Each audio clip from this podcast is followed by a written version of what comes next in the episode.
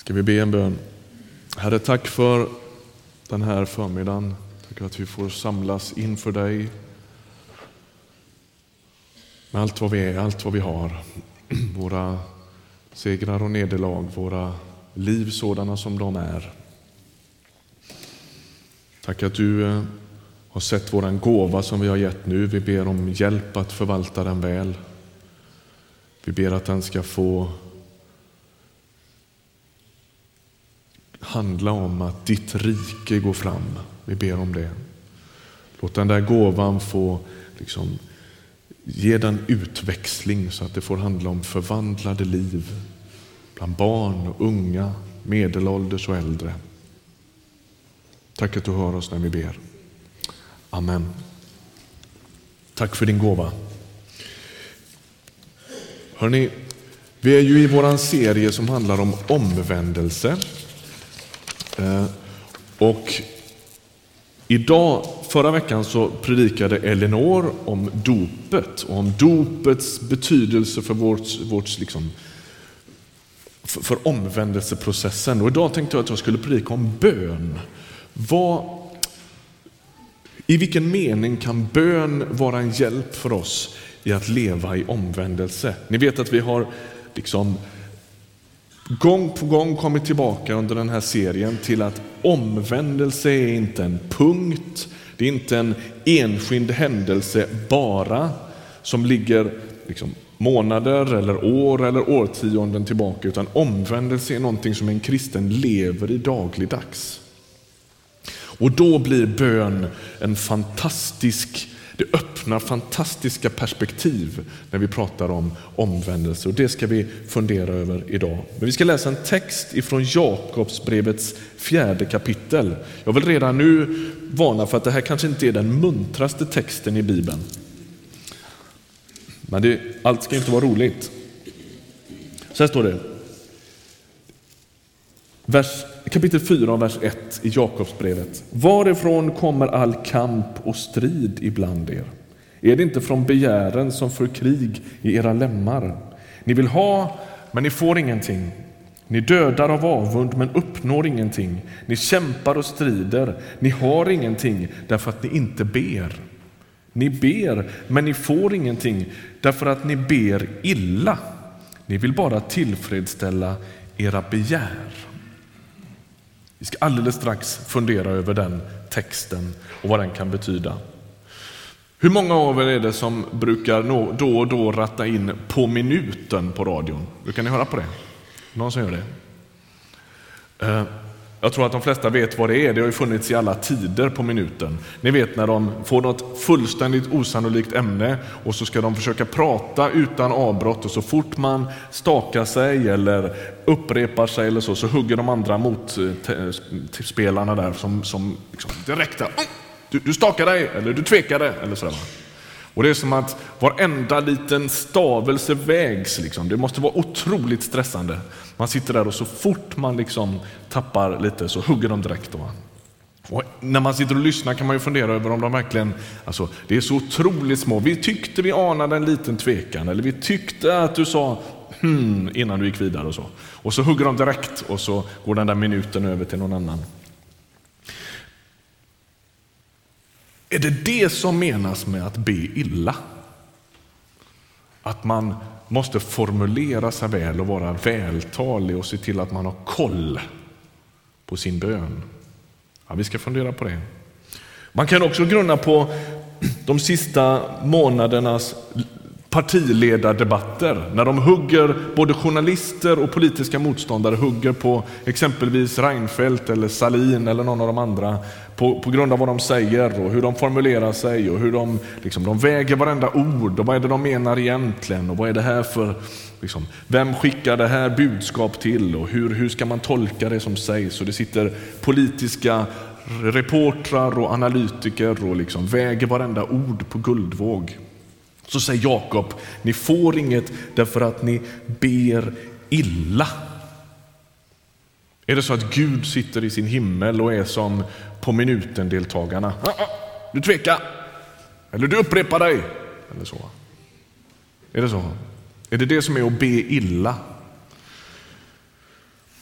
Innan vi går in på det, bara säga några ord om bakgrunden. Jakob, vem var det? Eh, det finns några olika Jakob i Nya Testamentet. Man kan ganska snabbt eh, exkludera ett par av de här av olika skäl. Jakob som fanns med i apostlakretsen, han dör väldigt tidigt, eh, blir halshuggen och är med största sannolikhet inte författare till det här. Eh, kyrkan har i alla tider slutit sig till, till idén att det är Jesu egen bror Eh, ja, Josef och Marias son Jakob som har skrivit Jakobsbrevet. Och mycket talar för att det här skulle kunna vara den äldsta texten vi har i hela Nya testamentet. Eh,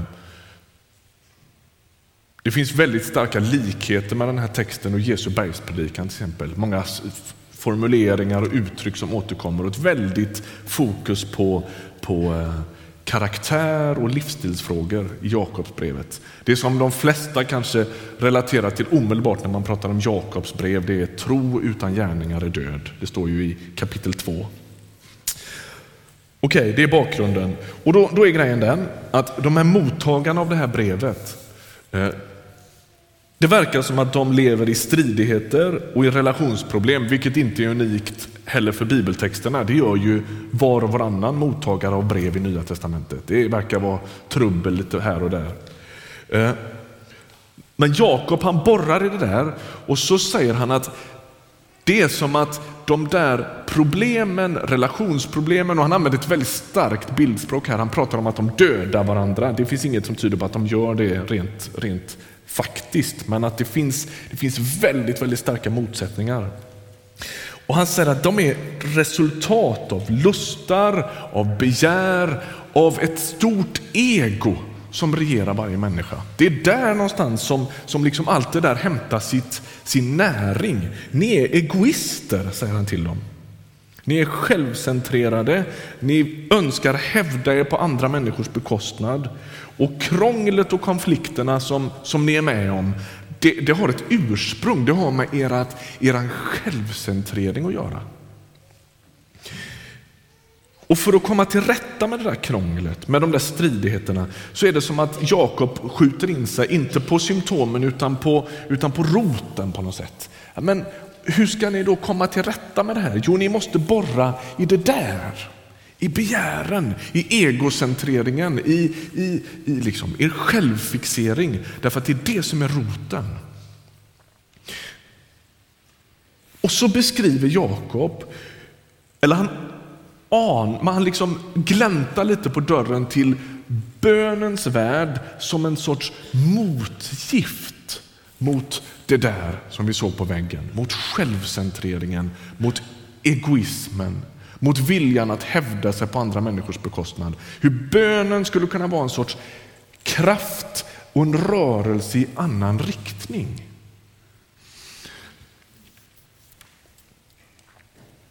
Så här står det om man slår upp motgift på Wikipedia på nätet. Ett motgift kan fungera på olika sätt, står det.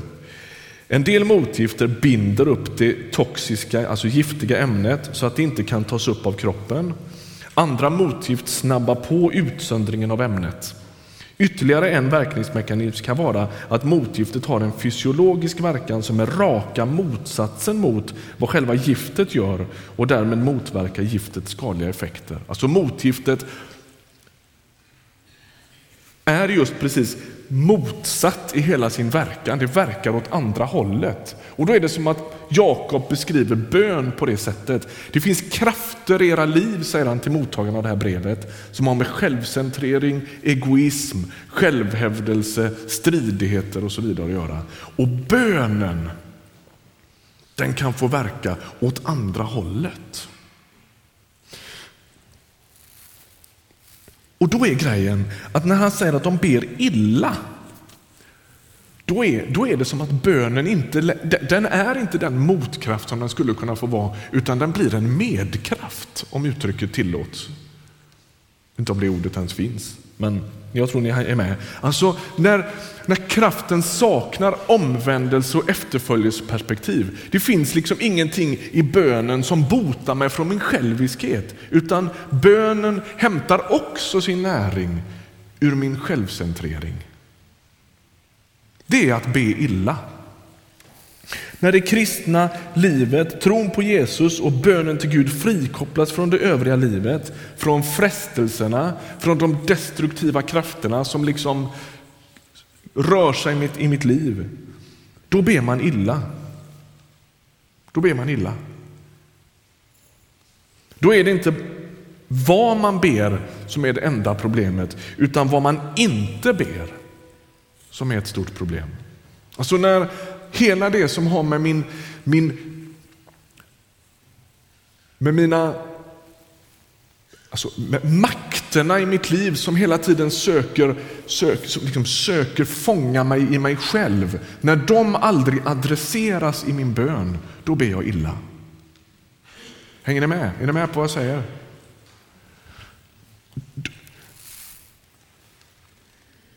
För då har bönen inte längre med omvändelse att göra, utan då blir den ytterligare ett, en liten pusselbit i mitt egoprojekt. Även bönen liksom blir en sorts eh, kraft som får mig att förlora mig i mig själv.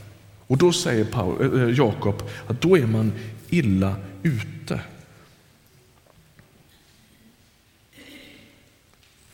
Hur är det då om Jakobs mottagare av det här brevet ber illa så att det göder deras ego snarare än att utmana det. Hur ska man då be istället? För det här är ju lätt att säga. Det är lätt att säga att så där ska det inte vara. Men hur skulle det vara istället då? Ska vi, ska vi gå till Filipperbrevet 1 så ska vi fundera på det. Filipperbrevets första kapitel och det är Paulus som skriver detta. Paulus för dig som är ovan bibelläsare, är flitigaste författaren i hela Nya Testamentet. Han har skrivit 13 stycken brev i Nya Testamentet. Bland annat brevet till de kristna i Filippi, kallas för Filippebrevet. Han skriver det här brevet när han sitter i fängelse tillsammans med några andra brev som kommer till under samma tid. Och så står det så här i vers 9. Han ber för dem. Han har börjat här med att tacka Gud för dem för allt det goda som händer dem. Och min bön är att er kärlek ständigt ska växa och bli rik på insikt och urskiljning så att ni kan avgöra vad som är väsentligt och stå rena och skuldfria på Kristi dag fyllda av den rättfärdighet som är frukten av Jesu Kristi verk Gud till ära och pris. Det är inte så att Paulus i den här texten rackar ner på Filipperna och hävdar att de inte har kärlek. Tvärtom. Hela hans liksom, inledning här, där tackar han Gud för Filipperna och säger Tänk att ni liksom tog emot det här med Jesus och budskapet om Jesus på ett, så, på ett så livsförvandlande sätt. Men sen säger han, min bön är att det som har börjat också ska få fortsätta. Att kärleken som Gud liksom har planterat i deras hjärtan, som, som gör att de har börjat den här spännande vandringen att, att följa Jesus, att den, ska, att den inte ska ta slut utan att det ska fortsätta slå rot och att det ska växa till. Och lägg märke till vad han skriver här. Min bön är att din kärlek ständigt ska växa. Då är vi tillbaka på det som vi har pratat om hela hösten här och som vi försöker att liksom hitta olika sätt för att adressera. Det kristna livet är en ständigt pågående process. Det slutar inte med att du blir kristen, det börjar då. Och Det som erbjuds det är inte en upplevelse tillbaka i tiden i, något, i någon kyrka eller i något tältmöte eller något och, och det slutar med det. Sen är det bara liksom, servicegrupp och gul saft och innebandy för hela slanten. Utan det som erbjuds är en, en ny värld som öppnar sig, där din kärlek ständigt kan fördjupas, där den kan bottna på ett nytt sätt, där din överlåtelse alltid kan liksom utmanas att växa vidare.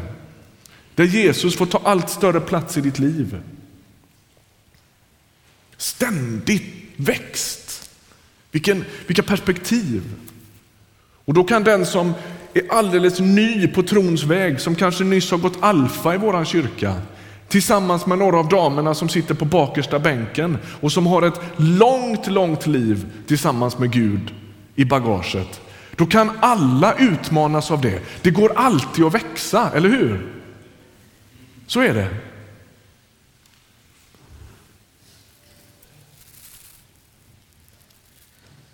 Det är en tydlig rörelse utan slut.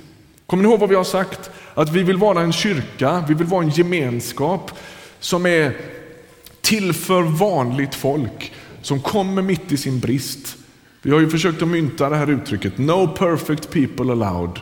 Så vanliga människor som inte är perfekta, precis som du och jag. Vanligt folk och som anträder en resa där man sakta men säkert börjar växa, följa Jesus och formas efter hans bild, som det står i Romarbrevet 8. Vi formas efter Guds sons bild och det, det äventyret fortsätter hela livet.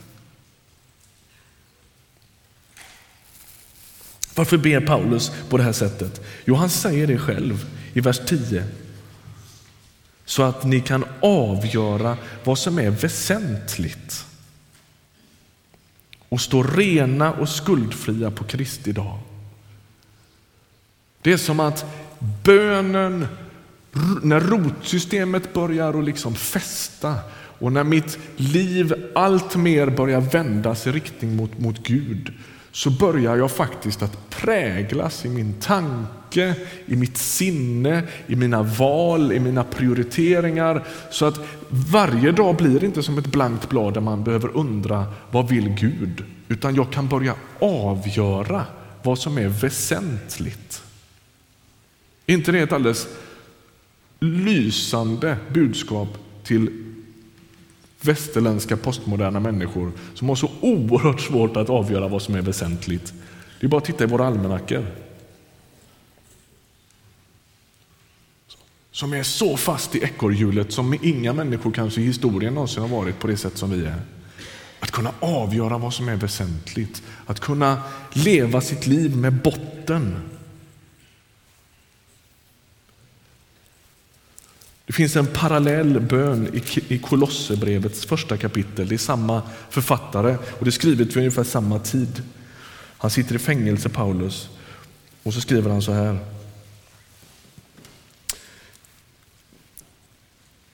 Vår bön, skriver han till de kristna i Kolosse, Kolossai, den är att ni ska fyllas av kunskap om Guds vilja med all andlig vishet och insikt så att ni kan leva värdigt Herren och på allt sätt behaga honom med alla slags goda gärningar när ni bär frukt och växer till i kunskapen om Gud.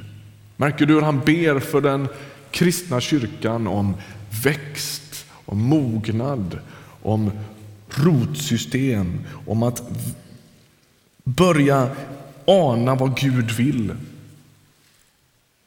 Så att man faktiskt kan leva ett ett mer fokuserat, ett mer trovärdigt liv som i allt högre utsträckning ärar Gud.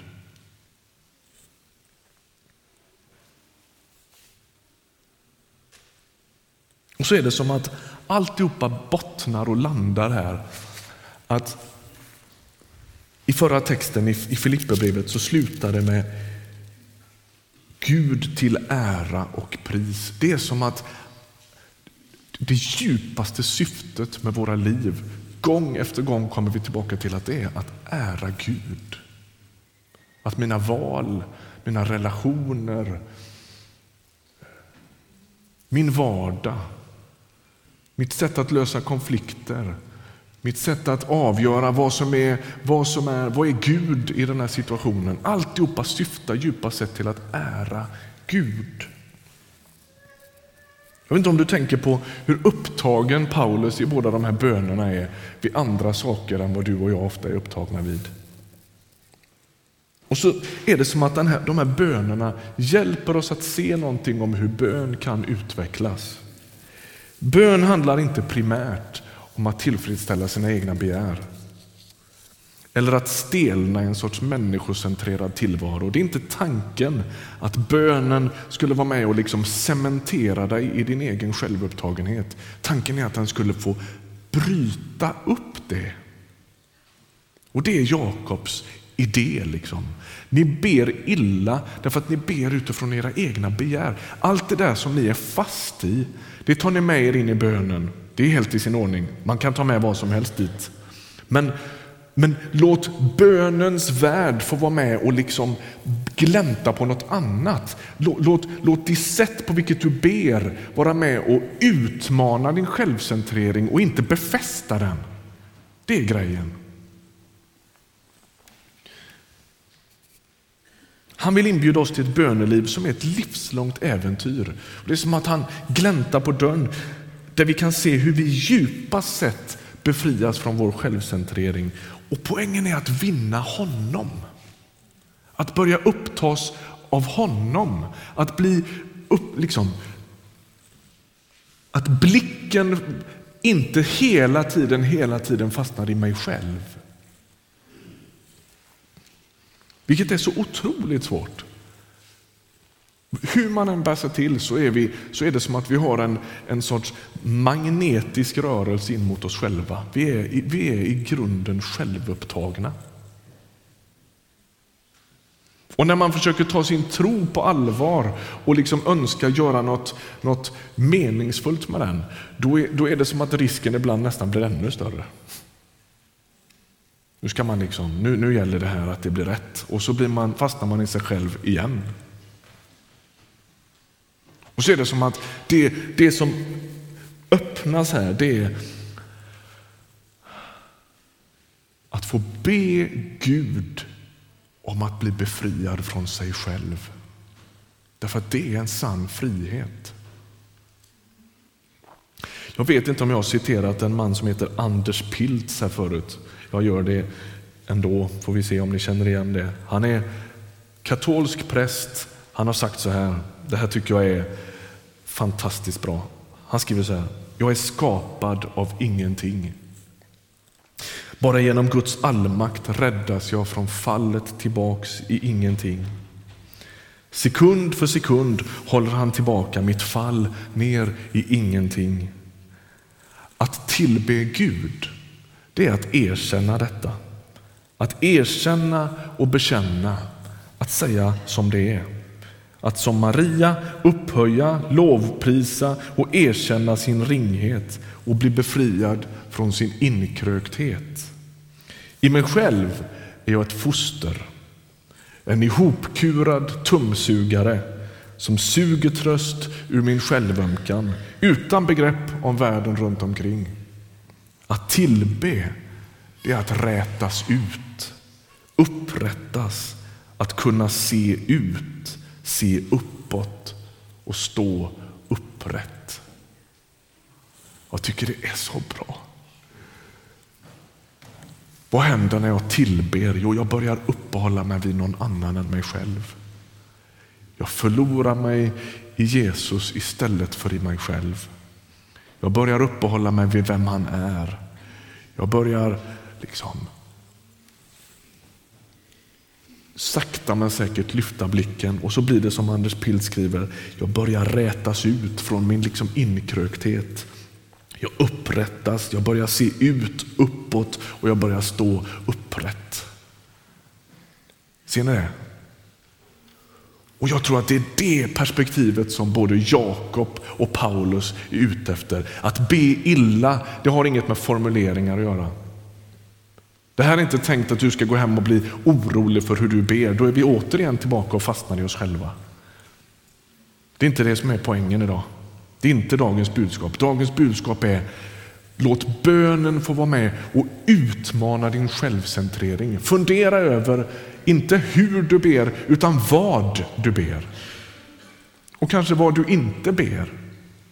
Ta med allt det där in i bönens värld som är ditt liv och, och liksom någonstans be Gud om att utmana din egen egoism, självcentrering och självupptagenhet. För att be illa, det är att bara be för att fortsätta att göda sina egna begär, sitt eget ego. Det är att be illa. Jag hörde ett bibelstudium av Hans Johansson för ett antal år sedan på Torp. Säkerligen var en hel del här med då. Han höll ett bibelstudium om bön. Och så berättade han, han sa så här på Hans lite karaktäristiska sätt, så sa han, det bes så mycket korkade böner, sa han. Och så berättade han hur han hade varit på en missionärsavskiljning. Och så hade man samlats för att be för missionärerna.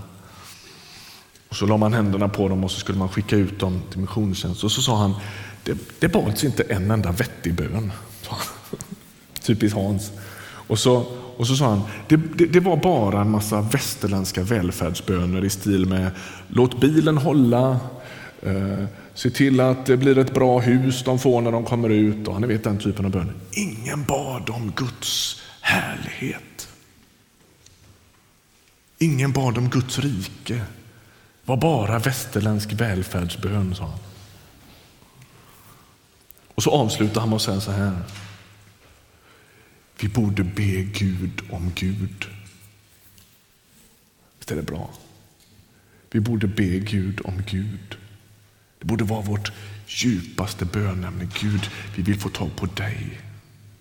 Kom och befria mig med din egen närvaro. Ta allt större plats i mitt liv. Låt mig få lära känna dig.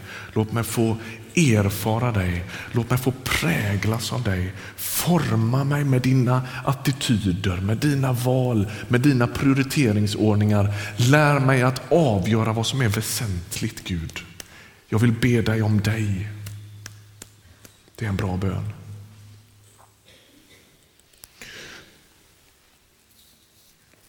Tanken är alltså inte att du ska gå hem och tänka på, eh, på minuten på radion. Du ska inte vara rädd för att be fel.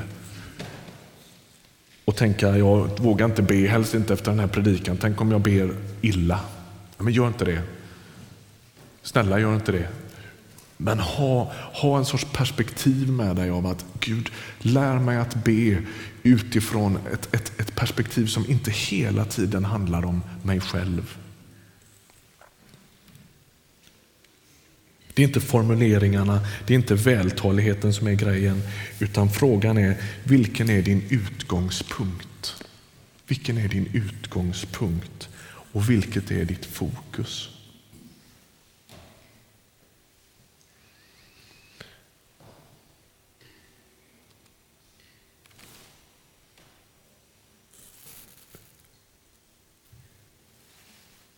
Vi ska häva oss lite mot en kort, kort bön i avslutningen av den här gudstjänsten som är så här. Herre, visa mig din väg och gör mig villig att vandra den.